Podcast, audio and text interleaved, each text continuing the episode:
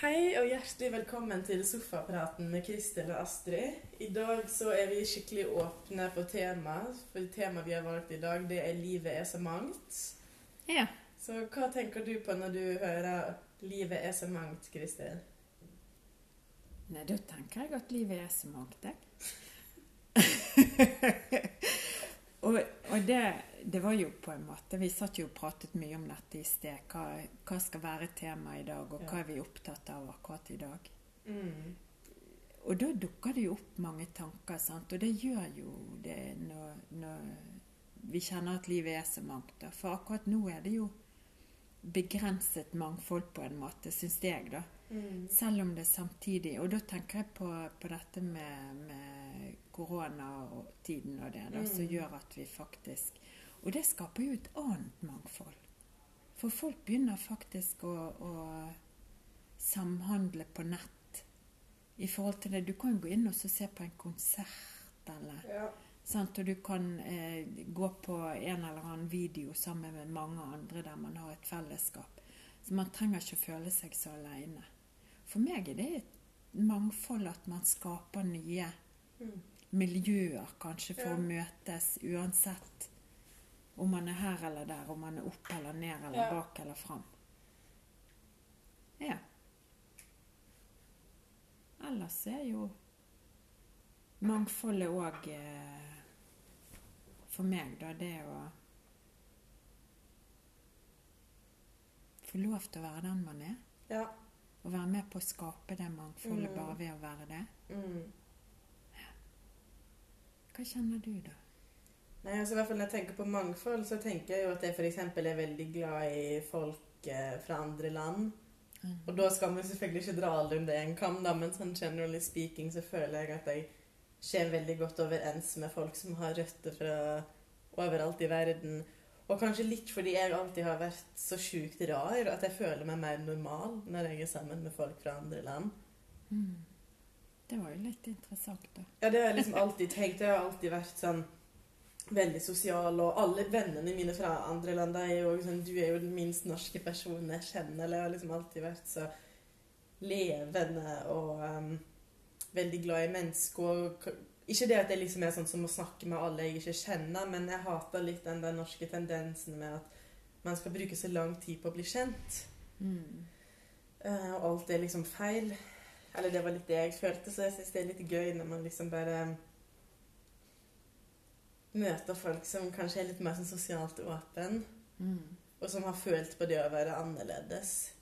Ja. Jeg tenker som kanskje jeg ser normal ut, men på innsiden så er jeg helt rar. det har jeg alltid tenkt. Men vet du hva, jeg er jo litt interessert i hva er det å være normal, og hvem skal Ja. definere det? sant? Og da husker jeg jeg tok det opp eh, en gang, og så var det en som sa det at det å være normal, det er det som er eh, generelt forventet av samfunnet på en Mm. måte, og det flesteparten faktisk er. Mm. Det er det som er, er dedikert til det å være normal. Mm. Men så tenker jeg Vel, kanskje vi ikke skal bruke sånne ord. Ja. Fordi at det betyr jo ingenting. Nei. Det betyr jo bare det at vi kan kjemme alle under samme kam og så si Ja. det at hvis ikke du er Ja. der, så er du et annet sted. Og det blir jo Ja. akkurat det samme som å sette hverandre i bås igjen. Ja. I forhold til hva man, hva man er og hva man ikke Ja. er. Så merker man jo fort når man er liten hvis man ikke føler seg normal. Da jeg følte f.eks. at jeg vokste opp med veldig masse kroppspress. Mm. Så liksom så lenge jeg kan huske, da var det liksom noe galt med kroppen min fordi jeg var så like tynn som alle de andre, og så var jeg mer følsom enn andre, så da var jeg liksom for følsom, og så var jeg kanskje for moden.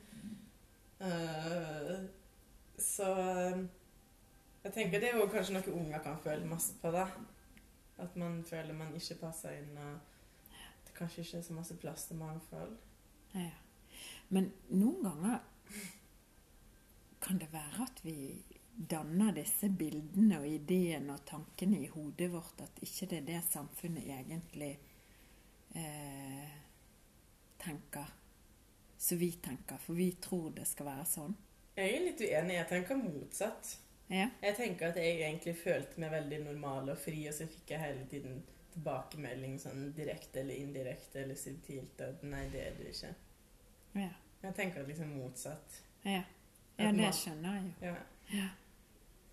Men jeg husker når jeg eh, fikk mitt første barn, så tenkte jeg at eh, jeg følte meg plutselig som jeg var haugammal. Ja. For alle de andre vennene mine, de ble liksom De fortsatte å være i den der eh, ene alene, Ja, og alt var bare. Og jeg hadde ansvar. Og, Ja. og da følte jeg egentlig at alt dette her med å ta ansvar og være ansvarlig og, og det gjorde meg til en mer moden, helt Mm. over natten nesten, ting. Ja. Og det var en veldig sånn rar Det kjente jeg allerede den gangen. Jeg kjente bare Hva i all verden har skjedd? Ja. Plutselig ble jeg 80 år. Mm. Sånn kjentes det som Mm. i min Jeg vet ikke syke eller hva i svarte, det aner jeg ikke. Men det, det, var, eh, det var veldig merkelig følelse, Mm. altså. Og det samme òg når, når jeg er inne på, på fortid og, og det Ja. som har skjedd før. Så jeg òg har jo alltid vært annerledes. Ja. Jeg har vært normal på en annen måte, Mm. tenker jeg. Mm. I hvert fall i mitt hode, da. Og da var når jeg var liten, så var det Jeg forsto det ikke. Jeg var naiv og, og Ja, jeg forsto ikke hvorfor jeg ikke var en del av det, det andre på en måte, uten at jeg skulle kjenne at jeg faktisk ikke var det. For jeg visste ikke Jeg visste ikke hvordan kodene var i forhold til det å koble meg til de andre menneskene eller Ja. de andre barna. Jeg forsto ikke helt uh, Ja. Så jeg eh, jeg undrer meg på om jeg har falt ned fra en annen planet. Altså, kanskje, kanskje bare plutselig ble plassert et sted jeg Ja. ikke kjente igjen. Jeg vet ikke. Og det er litt vittig når man er liten, så eh, er man sånn seg sjøl. Sånn, mamma har jo alltid fortalt meg og tvillingsøstera mi at vi var jo sånne unger som trodde vi kjente alle. Sånn uh, Gikk bort og snakket med alle og snakket med fremmede og stolte på alle. Og hvis vi var på kafé, da, det husker jeg til og med sånn Vi kunne liksom, Hvis mamma var på do eller noe, da, så bare hoppet vi bort på et annet bord med noen andre voksne og begynte å snakke. og... Eh, ble venner med hele verden, liksom. Ja, ja. Det er jo Eh, fantastisk. Og så hvis man skal lage litt humor og eh, Stakkars mamma, da, fordi at vi likte så godt å være i barnehagen at vi sprang og gjemte oss når hun kom. da. Mens andre var sånn 'Å, mamma, endelig, jeg vil ikke være i barnehagen, jeg vil hjem.' Vi bare 'Nei, vi vil være i barnehagen for alltid'. Ikke ta oss med hjem. Så hun var jo litt redd for at folk skulle bli sånn suspicious. Uh, Hva skjer i den heimen? selv om vi egentlig hadde det veldig fint her. Vi elsket å være i barnehagen. Ja, ja, det skjønner jeg. Jeg, hadde, jeg var hjemme med mine barn ja. i ualminnelige tider, skulle jeg si. Og det, for det var viktig for meg, på en Ja. måte. At ungene skulle slippe å bli tvunget i alle retninger. Og så skulle vi Mm. ha en hektisk morgen på et vis, for jeg kunne Mm. velge å være hjemme da. Og der hun yngste jenten min, bestevenninnen hennes, hun gikk i barnehagen. Mm. Og det syns min datter var så dumt, for da var det jo ikke så mange å leke med akkurat i barnehagetiden, så da ville hun begynne i barnehagen, og det skulle hun få lov til. Og jeg tror hun gikk fire eller fem ganger i barnehagen, så begynte hun. Nei, det der var ikke noe for henne, fordi at det var en sånn eh, bulldoser som skulle overkjøre henne hele tiden. En jente som ikke var så grei da, og det taklet hun ikke så veldig bra da. Og da husker jeg eh, Jeg tror det må være uavhengig av det, men det er ikke jeg helt sikker på. Hun skrudde av, og det var ikke bare én gang, det var flere ganger, så skrudde hun løst barnesetet sitt bak på sykkelen. Sånn at når vi var på vei hjem fra barnehagen eller til barnehagen, så kunne hun velte over på ene siden, Oi. fordi at det var ikke fast. Oi, shit. Så jeg har lurt litt på om hun ville eh, på en eller annen måte skade seg sjøl som slapp å gå i barnehagen. Ja. Men jeg tror ikke det. Men det var veldig spesielt, altså. Mm. Helt uh... Så det er ikke alltid alle barn liker seg i barnehagen, selv om de på en måte vet at de Det eneste stedet kanskje de kan leke med andre. Ja, det er helt sant. Men jeg tror alle er Og det tenker jeg er det viktigste. Det er faktisk det viktigste for meg, at ungene får lov å være seg. Ja. At ikke vi prøver å putte det inn i alle de formene Ja. som vi har skapt. For at de skal være lik, da. ja. Og det er jo litt eh, Jeg vet ikke. Det var ikke vanlig at eh, mødrene var hjemme når mine barn var små. Nei. Det var ikke det. Så Men man må jo bare gjøre det som kjennes riktig. Ja, for seg sjøl. Absolutt. Ja, jeg tror eh, de er takknemlige for det i dag, da. Ja, Sånn som jeg har forstått det Ja. når vi har pratet om det. så bra. Så jeg håper det ikke bare for å tilfredsstille mamma at ikke hun skal ha dårlig samvittighet fordi at hun ikke gjorde det som var riktig. Nei, sant. Og så tenker jeg òg at mangfold det handler jo òg om å liksom være sammen med forskjellige typer mennesker. da. Mm. For det tenkte jeg veldig masse på når jeg var student, at jeg syntes liksom det var så litt sånn trist og grått å kun være sammen med folk på sin egen alder som var studenter. At det ble en litt sånn kunstig tilværelse. Mm. At da savner jeg veldig å liksom være sammen med barn og voksne. eh, Folk som var på forskjellige plasser i livet. Og ikke at det må være familie, men jeg ble litt sånn gal av å være i en sånn boble med kun studenter. Ja. Og da savner jeg liksom livets mangfold. Ja. Jeg har alltid syntes det er deilig å liksom være sammen med folk som på en eller annen plass er annerledes enn meg sjøl. Som er eldre enn meg eller yngre, som er fra et annet land. Som ikke studerer, som jobber, eller motsatt, eller um, Ja. Og kan kanskje fort begynne å kjede meg. Sånn, jeg later som jeg er veldig snill, alt jeg på å si. Nei da. Jeg er så interessert i alt og alle, men Og så er jeg redd for at andre skal synes at jeg er kjedelig, men det tror jeg egentlig bare er fordi at jeg fort syns at det folk snakker om, er kjedelig. Ja. At hvis folk snakker om det samme hele tiden, så blir jeg sånn Å, slutt. Jeg orker ikke å høre på. Gud, hvor kjedelig. Eller bli ferdig med den historien. Eller eh, eh, sånn der rastløs, da. Jeg husker på ungdomsskolen så ville jeg heller være sånn ensom ulv enn i en sånn kjedelig gjeng. Mhm. Det var noen sånne stille jenter som på en måte aksepterte meg i gjengen sin da, på starten av året. Men de snakket liksom om ingenting, og det var utrolig kjedelig. Jeg holdt på å klikke. Jeg var kanskje med dem i to dager. Og så plutselig så trodde alle andre at jeg var blitt bestevenn med deg, og jeg bare hjelp. Jeg kan ikke være en sånn stille, kjedelig gjeng for alltid. Da må jeg heller være alltid alene. Ja. Så så bare brøt jeg ut av den stille gjengen som hadde akseptert meg, og så gikk jeg heller rundt og var ensom som faen. da. Men, men tenkte du det den gangen? Ja, jeg gjorde det. Nei, dette Yes. orker jeg ikke. Ja. Gosh. Da tror jeg det er en gammel sjel i en ung kropp, altså. At du har levd noen liv Ja. før eller gjort noen ting Ja. tidligere. Altså. Og det kan òg være sånne skikkelig slemme tanker jeg kan få av og til hvis man først snakker om mangfold. Sånn, hvis folk åpner seg opp, da, og man har en sånn djup samtale Så jeg har hatt så mange sånne samtaler før. Så folk sier kanskje til og med sånn 'Jeg har aldri hatt en sånn samtale før. Dette er den beste samtalen jeg har hatt. Jeg har aldri åpna meg sånn masse opp.' Og jeg har aldri hatt det. Ja. Og jeg har aldri snakket sånn med noen som med deg, Astrid. Jeg bare 'Hatt denne samtalen hundre ganger. Denne samtalen er vel ikke så jævlig spesiell?' Altså. Det er jo faen masse slemme tanker inni meg. Der har du den igjen. Det har ikke du nevnt tidligere, og i hvert fall ikke sagt til meg. Nei. Men nå kan vi jo òg kanskje komme inn på det at vi traff jo hverandre egentlig bare sånn plutselig. Ja, Fordi at jeg leier plass på Ametysten, og du Mm. har hatt en del i de eh, Jeg vet ikke hvordan ditt kjennskap med, med Ametysten og det, kanskje. Nei, jeg har nå bare vært masse her, og så har jeg jo jobbet en del med praktiske ting og eh, Ja. nettside og intervju og um... Ja. Ja, ja for det, det var jo da jeg traff deg på en måte. Det var i forbindelse med at vi skulle på beautymessen og alle ting. Ja, av alle ting. Ja. og det var jo det var kjempegøy. Mm. Det var skikkelig artig, altså. Og så gikk det en stund, og så kom du på dette med, med intervjuene og det. Og det var vel Mm. sånn vi på en måte først eh, pratet, bare du og jeg. Ja, for vi hadde jo småsnakka litt, og så skulle jo jeg intervjue alle terapeutene, og så var du en av de første jeg intervjuet fordi jeg likte deg som person. Så da var jeg sånn Jeg sender melding til Kristin og spør om hun vil være med. Yes!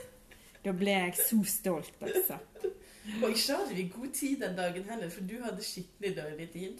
Ja, Så vi lagde en sånn prøvevideo, og der var du ganske sånn alvorlig. Og, ja, og så var jeg sånn Så ga jeg litt sånn tilbakemelding på den videoen, og vi skulle løsne det litt opp. Og så var du sånn Jeg må egentlig gå om fem minutter eller noe. Jeg bare OK, vi bare prøver. Så vi bare satte kameraet på. Vi tar en live-video. eh, nå må vi bare snakke, så satt vi der i 15 minutter. Bare 'Dette var bra', og så sprang du ut døra til hva det nå enn var du skulle rekke. Men hva viste det seg at den faktisk var, den videoen? Veldig bra. Ja, der ser du. Så ofte så er det kanskje under press at man Ja. Men jeg tror det var bra at vi hadde hatt én prøvevideo først. Ja, kanskje. Kanskje. Jeg er ikke helt trygg på det. Jo da, Ja. klart det. Og så var det jo egentlig du som hukte meg inn igjen eh, Ja. noen uker etterpå. Og det òg handlet om det tekniske. Mm. Sant? Fordi at jeg spurte om du kunne hjelpe eh, først Coaching by Mm. Heart med oss å skape litt promotering, Ja. hvordan vi kunne legge fram vårt program til høsten, da. Mm.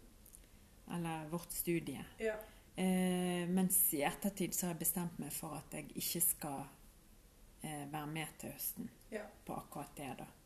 Men i alle fall så eh, Mens vi satt og snakket om det, så dukket det opp en del andre ting ved vårt neste møte. Ja.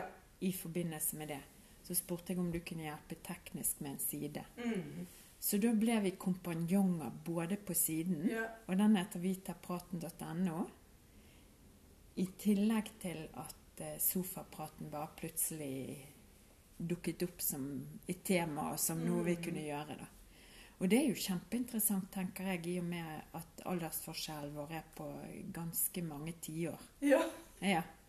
Og kanskje det er det som gjør mangfold òg, tenker jeg. Ja.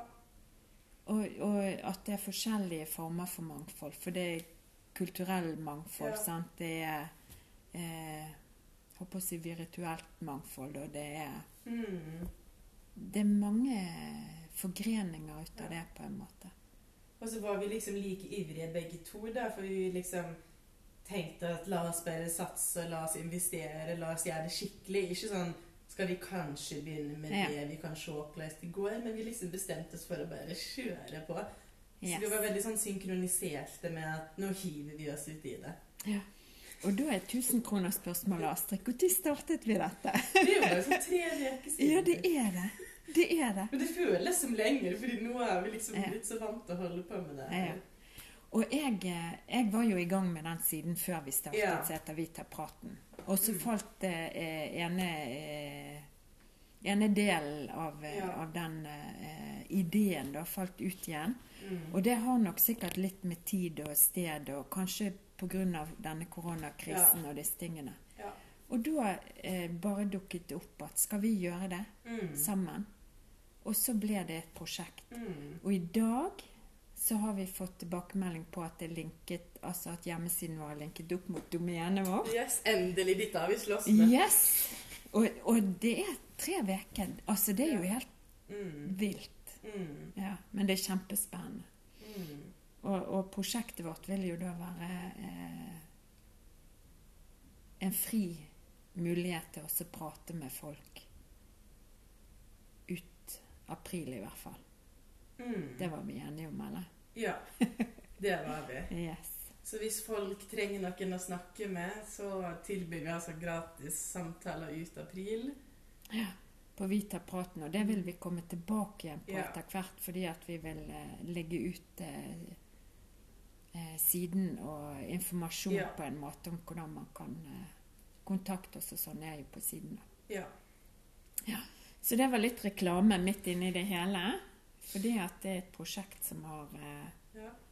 eh, Det har på en måte kommet i gang Mm. så kjapt på grunn av den eh, dødtiden Ja.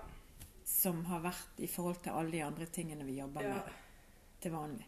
Og så har det virkelig vært utrolig deilig å ha det oppi alt. For jeg har jo syntes det har vært ganske utfordrende med at alt er stengt og alt er stille, og ikke kan man treffe folk. Og jeg er jo veldig ekstrovert. Eh, Mm. Så jeg tror jeg hadde dødd hvis vi ikke hadde treftes regelmessig nå. Ja. Ja, det var litt tragisk. Nei, men jeg mente det som en positiv ting. At jeg setter sånn pris på det. det Ja, det. jeg skjønner jo det. Men jeg tenker, jeg tror univer universet har en plan med alt for at ikke du skulle gå til grunne. Ja. Så dukket dette opp. Ja. Så vi kan jo se på det som en, Ja. eh, en hjelp til selvhjelp, Mm. egentlig. Ja.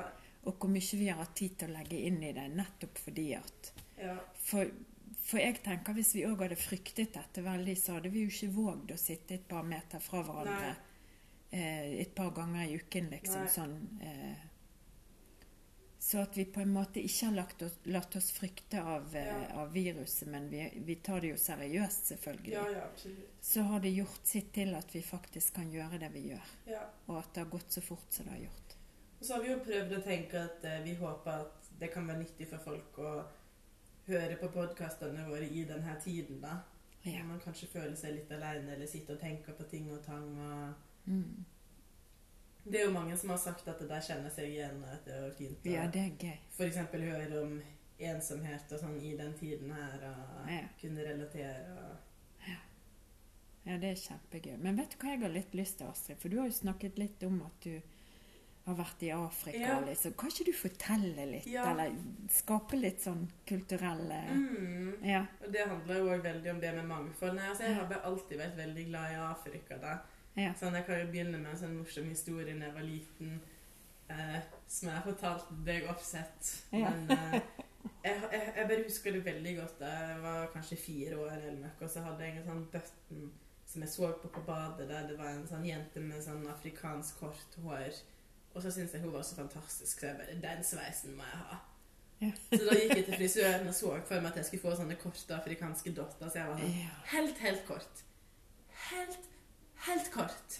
Det var liksom så godt jeg klarte å formidle det jeg ville ha da. Men så fikk jeg liksom sånn guttesveis, og så var jeg helt knust. Og bare, Nei, håret mitt er ødelagt. Um, og det var liksom en av tingene jeg alltid var sikker på. Jeg var sånn Jeg skal studere Afrikastudier, og folk bare får du jobb av det. Men jeg skal studere Afrikastudier, hold kjeft. Um, og så har jeg jo vært eh, Første gang jeg var utenfor Europa, så var jeg to måneder med en venninne i Etiopia, Kenya, Uganda, Rwanda, Tanzania. Wow. Og det likte jeg skikkelig godt. Og jeg er så irritert, og ikke for å liksom være sånn belærende, eller hva det heter, men det irriterer meg at folk liksom drar til Afrika for å gå på safari. Ja. Det irriterer meg, istedenfor å liksom bli kjent med folk og den fantastiske kulturen. ja. Så bare drar folk dit for å se på dyr. Det irriterer meg. Um, og jeg syns um, Altså, det er selvfølgelig vanskelig å snakke sånn eksplisitt om Afrika. Jeg har jo òg studert og har bachelorgrad innenfor det, så da er jeg så redd for å si noe feil eller for generaliserende. Ja. Men for å få fram et poeng, så må du generalisere litt. Ja. Eh, og jeg vil jo f.eks. si at den familievennligheten som de har Ja. Altså, de er så åpne. Ja. Man føler seg alltid velkommen. Jeg ble jo invitert i bryllup til en venninne i Ravanda i sommer. Ja. Og jeg var liksom så velkommen i den familien, og de var sånn 'Astrid, vår datter, og du blir så godt tatt imot, og det er så god plass til deg'. Ja. Og nesten alle jeg snakket med òg i Senegal har jeg òg vært i, så Senegal og hele Øst-Afrika Ja. um, De har så masse folk rundt seg, da. Ja. De har liksom ikke den samme formen for isolasjon som vi har i Vesten, med at du skal huske å flytte ut når du er 18, hvis ikke er du en taper. Og du må passe på å ikke være avhengig av andre når det kommer til penger. Du må være ansvarlig, du skal stifte din egen familie. Du skal ikke være til bry. Vi har jo veldig den Mm. Du kan ikke bare sove hos eh, en tante i tre uker når du er 25. Altså, Jeg har jo av og til tenkt når jeg har det vanskelig sånn Å, jeg har lyst til å dra til onkelen min. Men så kan jeg liksom ikke plage han, da. Uh, mens der er det liksom motsatt. Man, man blir liksom sett på som en gave når man er på besøk. Ja. Og sammen jeg var i Senegal, og det finnes jo noe som heter couchsurfing. Mhm. Som vil si at uh, overalt i verden så kan du bo gratis hos folk. Og så kan yeah. folk bo gratis hos deg. Så jeg hadde jo masse travelers boende hos meg i Trondheim, da. Kult. Og så i Senegal så dro jeg helt alene til Senegal, og så bodde jeg med familie der med folk på min egen alder. Yeah. Og da òg er det liksom Folk setter sånn pris på deg og Ja. Tar dem med rundt overalt og lage mat og Og så er jeg òg veldig fascinert over at jeg syns de er flinkere til å oppdra barn enn det vi er i Norge. Um, at de ikke har lagd sånn stress med det. Mhm. At på en måte søsken, besteforeldre, tante, onkler, alle hjelper til. Altså I Mm. Senegal kunne jo alle elleveåringene bare ta et tøystikk og knytte ungen på ryggen og hjelpe til å lage mat og passe unger. Og de er liksom ikke så redde for at ungen skal skade seg heller. Det er liksom, Den kan krabbe litt rundt i senga eller gå litt rundt på bakken. Um, sånn at man liksom ikke blir så utbrent som foreldre. For det føler jeg er så typisk i Norge at um, man får sånn stress i forholdet, og så skal man kombinere jobb og familie, og så skal man liksom gjøre alt sjøl. Mm. Du kan liksom Hvis du lar ungen være for masse med andre voksne, så er du uansvarlig. Ja. Det er jo et sånt afrikansk ordtak 'It takes a village to raise a child'. Ja.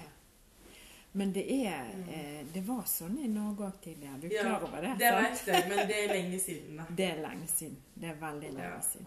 Ja. Men eh, det er jo litt interessant, da, for det, henger, det henger jo kanskje sammen med eh, ikke bare kulturen, men òg Mm. hvordan det kulturelt sett har utviklet seg Ja. i et land. Sant? Ja. Og kanskje det er hele forskjellen, Mm. sånn som det er nå, Mm. kontra hvordan det var før. Ja. Bare Ja, ja, en tanke. Og så syns jeg òg det er så ydmyke, sånn vennene mine i Øst-Afrika og Senegal, at de liksom De kan liksom si sånn Å, du er så snill og åpen. Jeg har lyst til å være like snill og åpen som deg. Eller det er aldri en norsk person som har sagt det til meg. på en måte sånn, Å, du har så stort hjerte. Og det inspirerer meg. Eh, Mm. eh, sånn veldig sånn ydmykhet. Og så en tillit til Gud. Jeg var jo så redd for at vi skulle komme inn på åndelighet her i dag, men, eh, men nå gjorde jeg det likevel, da. Ja. For jeg føler at de har en veldig sånn fin kristendom. Ja. Altså du har jo både masse, masse islam og kristendom i Afrika, men hovedreligionen er jo kristendom, da. Altså i Afrika sør for Sahara, Mm. som er der jeg har vært. Og da syns jeg det har en sånn et sånn utrolig flott forhold til Gud da, som jeg føler beriker deg veldig masse i livet. Det har en sånn tillit. Yeah. Sånn, nå generaliserer jeg litt, da, men i Norge og Vesten er det jo veldig masse angst. Mhm. Altså, det er ikke trygt, det er farlig. Skal du få noe gjort, må du klare det sjøl. Mm. Mens mange av vennene mine der er liksom sånn Hvis det skal skje, så skal det skje, og Gud passer på, og det er en mening med ting, og Ja. bruker på en måte tid på sånn bønn og sang og dans og um, eh, Og litt mer den der direkte kontakten istedenfor sånne regler eller Ja. mønster. Kan det passe at jeg kommer på besøk nå, eller Ja. kan jeg komme på torsdag klokken syv, eller Mm. Det er ikke sånne ting som er vesentlig, kanskje. Mm. Det er mer det at man er til stede der man er, når man er der. Mm. Og at man bare kan møte, møte opp, eller? Ja. Mm. Og at livet det liksom er en karriere jeg. Ja. ja, det er noe med det, ja. Det er helt sant. Men hva tror du denne tiden gjør med oss nå, da? For det er en spesiell tid nå, uansett om Ja. vi sier vi ikke skal snakke om ditten Ja. og ikke om datten. Det er en spesiell tid nå. Vi kommer ikke vekk ifra det. Jeg prøver nesten å fortrenge det litt, for jeg blir så Ja. stressa av å snakke om det. Ja. Um, Men hvorfor det? nei, fordi Kanskje litt fordi jeg fikk sånn panikk før påske etter at det var slutt med han fyren som jeg var sammen med hele tiden. Ja. Så følte jeg meg helt sånn aleine i universet og koronatiden. Ja. Um, og det gjorde jeg jo kanskje litt da jeg var liten òg, da. Jeg mm. følte at jeg bodde på en liten plass og ikke hadde naboer og venner og folk rundt meg. Ja. Så det orker ikke jeg å tenke på. Så du sammenligner det med den gang da? Ja. Ja. Mm, og så er jeg så sliten av at alle skal snakke om det, og noen er sånn Ting er stengt for alltid, men jeg er bare sånn 20. april, 27. april, not thinking anymore. Altså, jeg bare forholder meg til de dagene, og så prøver jeg å fortrenge resten, da. ja. Men jeg tenker litt på sånn Hva skjer etterpå? Har du noe formening om det? Nei, nå sa jeg jo nettopp at det har jeg fortrengt, så jeg tror Ja, du kan si hva din formening er. Jeg kjenner jo litt på Jeg snakker ofte med en venninne om det som er veldig opptatt av disse tingene. Okay. Og hun følger mye med, da, for hun er litt mer i risikogruppen. ok. Og det er jo klart det at det må kjennes på en annen måte enn jeg som ikke Jeg tror i hvert fall ikke jeg er i risikogruppen, men det vil man jo fort finne ut hvis det skal være sånn.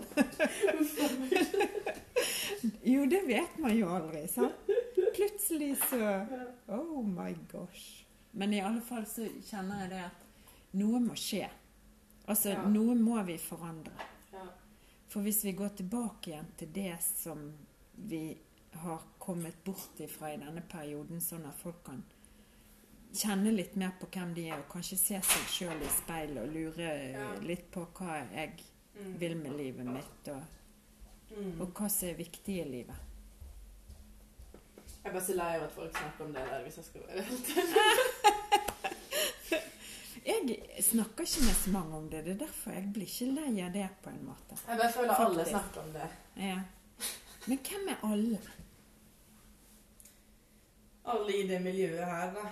Satt litt på spissen. Alle som er litt sånn åndelige, de er sånn Ja, Dette skal få oss til å gå innover, bla, bla. ja riktig. Kanskje jeg bare føler meg litt truffet som ekstrovert, da, eller Altså, jeg reflekterer nå og tenker over alt, og jeg har jo òg en kronisk sykdom, så jeg må jo ta det veldig masse med ro uansett. Ja. Altså, jeg har jo ikke noen mulighet til å springe rundt i hamsterhjulet, men jeg føler bare at det kan bli veldig sånn idealisert, det der med å gå innover, men alt har jo pros and cons. Ja. Um, og jeg tenker liksom på det der med at veldig mange som har det vanskelig, har det vanskeligere nå. Altså folk som har det vanskelig psykisk, folk som opplever vold i familien, eller folk med alkoholproblem. Altså i Frankrike har jo sånn vold i husstanden gått opp med 30 Mm. Jeg syns bare ikke sånne ting skal bli glemt. da. Røde Kors-telefonen har fått en veldig økning i unge som har det vanskelig. Mm. Kanskje mange sliter med forholdene, folk føler seg ensomme. Mm. Og så, så har man jo selvfølgelig det perspektivet òg med å lære og gå innover og Mm. alt det der. Jeg bare syns ikke det skal bli kun fokus på det. Nei. Men hvis Nei. jeg sier til deg at det var ikke det jeg prøvde å snakke om Nei. Det jeg tenker er Hva skjer når vi skal Tror vi det at vi bare går tilbake til normalen? Altså at vi bare kan Mm. stoppe alt og så si det at OK, nå har vi hatt en pause Mm. fra livet på x antall uker eller måneder, og så skal alt være OK igjen. Det er jo ikke det. Det går ikke an, det. Men tror ikke du folk har forandret seg litt, da? At man har fått litt nye perspektiv i den tiden her? Jo, og det er jo det som Ja. kanskje er tanken bak det. Ja. eh, at det skal skje noen ting som gjør at det faktisk blir bedre å komme ut igjen på andre siden. Ja. Når det først har vært som det er. ja. Sant? For det har ikke vi kunnet gjort noe med. De hendelsene som har hendt, de har hendt på en måte. Og det som er bestemt, det er bestemt. Men det vi kan gjøre med det sant? For jeg tenker det får jo konsekvenser økonomisk. Mm. Det får jo konsekvenser ja, langt utover det vi kan se i dag, tror jeg. Både for Norge og for, for verden generelt. Mm. Og hvordan man forholder seg til det, er jo òg på en måte et mangfold. Ja. Sant? Ja, og så blir man jo klok av livet, da, selv om det er litt klisjé. Så tenker jeg jo at det her er en sånn opplevelse som kan knytte mennesker sammen. At vi på en måte alle har Mm. eh, blitt satt i en krevende, ny, spesiell situasjon sammen, og det kan bygge kontakt. Mm. Og at i ettertid så vil man kanskje se litt annerledes på ting og kanskje sette mer pris på eh, de enkle tingene i livet, da, sagt litt enkelt. Ja, ja, og det var jo egentlig sånne ting. Jeg Ja. kjente litt på det og ville, Ja. ville på en måte eh, Ja. Kanskje gå litt inn i det, fordi at eh, jeg syns det er litt vesentlig. For hvis det at dette har vært fånyttes, ja. da har det på en måte ikke noe Da vil ikke jeg kunne forstå meningen med det. Men er du redd for at alt bare går tilbake til normalen, eller? Nei, jeg tror ikke det går an. Nei. Men spørsmålet er om de som har behov for å se eh, hva som egentlig skjer.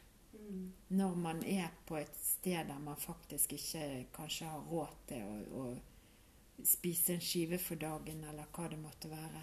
Sånn som noen har det til vanlig. Altså Jeg tenker på Jeg vet ikke om jeg kan si klasseskille, eller Ja. For det kan man kanskje ikke, men forskjellen er så stor. Men det er litt vittig når du tar opp klasseskillet der, for det syns jeg er litt morsomt. da. Nå kan jeg sikkert tråkke mange på tærne, men eh, hvis du tenker på at folk i Norge er jo kanskje de som reiser mest i verden, og nesten de eneste som har hytte. sant?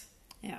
Og, min familie har jo ikke hytte, og har jo aldri reist rundt når vi var små Så jeg syns bare det sier litt om klasseforskjeller i Norge, og hvor rike mange i Norge er når Satt litt på spissen, da. Det verste med koronakrisen. Det er sånn Å nei, turen til Thailand ble avlyst, og turen til eh, Frankrike ble avlyst, og vi som skulle reise jorda rundt i påska, og nei, nå kanskje vi var på hytta. Og jeg bare Gud, folk er rike, tenker jeg bare. Ja. Men jeg tenker det er fint hvis det er at det er de rette grunnene at de har disse tingene, at ikke de tråkker over lik for å få det. Ja. Så tenker jeg det at ambisjonene våre er forskjellige. Mm. Sant? Så, så økonomisk oppe eller nede, det er jo òg et valg. Ja. ja det var kanskje å ta litt hardt i. Jo, men, men faktisk er at jeg mener det. Og jeg er jo ikke på høyden, for å si det sånn. Fordi at hvis jeg hadde ville strebet etter de tingene, at de tingene var så viktige for meg, så ville jeg jo lagt livet mitt annerledes opp enn jeg har gjort til i dag. Men for meg, når vi snakker om kanskje verdier og sånn, så er mine verdier noe annet enn ting. Det handler ikke om å eie, det handler ikke om å Ja, jeg har ikke TV engang, jeg. Nei, Jeg har valgt synes jo det er viktig å få fram at det er ikke folk sin egen feil når man har penger eller ikke. Nei, men det er ikke feil. Det er jo ikke noe som er feil eller rett. Men man gjør jo ymse valg ut ifra hvor man er henne. Men alle har ikke samme muligheten til å velge. Nei, altså jeg har jo f.eks. lavt stoffskifte, og før jeg til slutt fikk hjelp av Nav, så levde jo jeg langt under fattigdomsgrensa. Mm. Og da følte jo jeg at jeg jobbet jo 150% når jeg da jobbet 30-40 Mm. Altså ut ifra at jeg var så sliten da. Og måtte Ja. hvile så masse.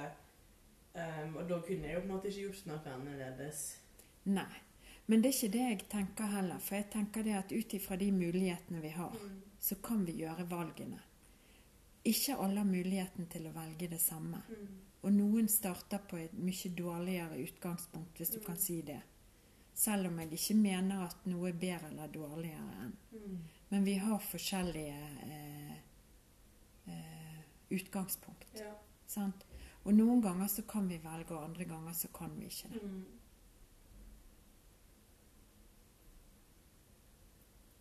Det var ikke meningen å såre deg, Astrid. Nei, nei, det gjorde ikke det. Nei, det var ikke meningen å, å stille spørsmål heller ved eh, Ved på en måte hva man kan og ikke kan. Fordi at det er helt klart at det er ikke så enkelt som jeg sier det. Mm. Eller prøvde å uttrykke meg i begynnelsen, da. Ja. Men, men det er eh, så mange av oss som har muligheten til å velge, men vi vet ikke det alltid. Mm. Og så er det de som ikke har det. Ja. Og da blir det jo en annen situasjon igjen. Mm. Sant? Så hvis ikke man da hadde hatt, eller kunne fått den hjelpen man kan, Mm. i hvert fall i Norge som er et velstandsland, Mm. så hadde man jo hatt eh, Hadde ikke man hatt grunnlag for å overleve heller. Nei. Nei. Så, så alle eh, Jeg vet ikke Unnskyldning, eller Det var ikke i hvert fall meningen å, å ditche noen eller sette noen under noen andre. Eller under toget eller under bussen, eller hva det skal være. får vel en ekte podkast nå. Ja, dette her ble ganske Yes. Men jeg tenker det er viktig. Ja. Fordi at eh, det er ting som eh, Det er ikke alltid Når ting er på direkten, så er det ikke alltid altså Uansett om man møter et menneske, Ja. og så sier man akkurat det som dukker opp der Ja. og da, så kan det bli feil. ja. Sant? Og det, har ikke, det var ikke meningen min i dag. Og det kan, jeg kan ha gjort det flere ganger før med andre mennesker. Men man vet ikke om det før man får tilbakemeldinger, som du sier, og så tenker jeg selvfølgelig. Ja.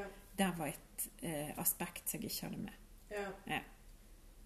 Og så kan man jo bli for sjølkritisk, òg. det var jo sånn som jeg var inne på i videoen i går. sånn, Jeg endte opp med å ligge Jeg ligger jo alltid våken om nettene, det er ikke det var noe Ja. men jeg ble liggende våken og føle at jeg ikke fikk sagt ting bra nok i forhold til det med liksom eh, kjærlighet og liksom like jente og heteronormativiteten. Og så var jeg sånn Jeg fikk ikke formidla det perfekt eller i forhold til sånn åpenhet og at alle må Mm. få elske den jeg vil, og jeg fikk liksom ikke fram budskapet riktig. og så tar jeg på en måte på meg ansvaret for alt feil i samfunnet i forhold til det. Og så var det sånn, Jeg fikk ikke sagt det perfekt. Ja. Og så ble jeg liggende og bare sånn prøve å gå gjennom alt jeg hadde sagt.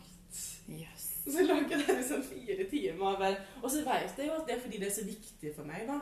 Ja, klart det. Men så klarer jeg liksom ikke å tenke at jeg sa det så godt som jeg kunne. Ja. Men vi har jo fått tilbakemelding på at det var veldig bra, da, Astrid. så jeg skjønner ikke helt og, og, da tenker jeg jo jeg skjønner det, fordi at det ligger ofte på sjøl. Ja. Og det handler ikke om andre, fordi at det handler om Ja. hva du føler, og hva du skulle ønske du kunne uttrykt ja. i forhold til det du Ja. føler. Og så kan nok jeg lett misforstå. Så sånn, Mamma syns jo også det var veldig bra at jeg nevnte det der med at jeg er veldig sånn sjølkritisk inni meg. For det Ja. syns jo ikke alltid heller. Altså, jeg virker liksom så fri og åpen og frimodig da. At mange kanskje tenker jeg er en sånn der person som boltrer meg fram. Men egentlig så ligger jeg bare der og kritiserer meg sjøl hele tiden. Jeg tror det er derfor jeg ikke takler at andre kritiserer meg. Jeg er sånn Ja. jeg kritiserer meg sjøl hele tiden. Så du får ikke kritisere meg. Jeg bare friker ut sånn. Sånn som Hvis vi har fått noen tilbakemeldinger, så går jeg helt i forsvar og bare Hva faen snakker du om? Og det er litt fordi jeg hele tiden er så kritisk sjøl. Ja. Jeg tenker, jeg har gjort den jobben for tid. Hold kjeft, tenker jeg da. Ja. Men jeg tenker omvendt, fordi at jeg syns det er så viktig med konstruktiv kritikk. fordi at da kan vi skape noe så, så folk vil ha seg bra for, Ja, for alle, og samfunnsmessig kanskje nyttig å kunne, ja, kunne høre på. Fordi at mm, det ikke blir for snevert, eller Ja. fordi at det ikke blir min eh, oppfatning kontra din Ja. oppfatning, men at det blir noe Ja. som er, er konstruktivt for Ja. Men da har jo kanskje alle litt å si òg. Altså, jeg er jo bare 25, sånn at jeg er jo kanskje mer sårbar for Mm. andre sine tanker om ting. At du står på en måte litt mer støtt i ditt eget fundament. Ja, kanskje. Og så handler det vel om at jeg har jo vært der som du er òg. Ja. Mm. Og så har jeg gjort en jobb, og så vet jeg det at eh, Altså negativt eller positivt. Det er ikke det som skal holde meg oppe. Jeg skal allerede stå der. Mm. Og så kan de tingene selvfølgelig være et pluss eller minus. Mm. Men det er ikke det som er meg. Nei. Men det kan være en del av det som kan knekke meg hvis jeg tillater det. Mm. Sant? Ja. Så jeg jeg er Jeg har litt flere år på baken enn du har. sånn er det bare. Ja. Ja. Nå har vi jo gått litt vel over eh, halvtimesrammen vår, Ja. så vi får vel begynne å runde av så folk ikke blir helt svimlende. ja. Og kanskje vi har vært litt eh, Litt krass mot slutten her, men uh, det må man bare svelge i dag. Og så får vi heller, heller være litt, uh, litt mindre seriøs, kanskje. Ja, vi, skulle, vi har egentlig fått tilbakemelding om at vi skulle dra inn humor, og det gikk kanskje motsatt vei. Ja. Vi dro inn humor istedenfor. Ikke humor, men humor. Ja. Ja, kanskje det. Vi skal prøve å være mer morsomme neste gang. Ja, eller ikke. Ja. Vi får se hva som er naturlig. Ha det bra. Ha det.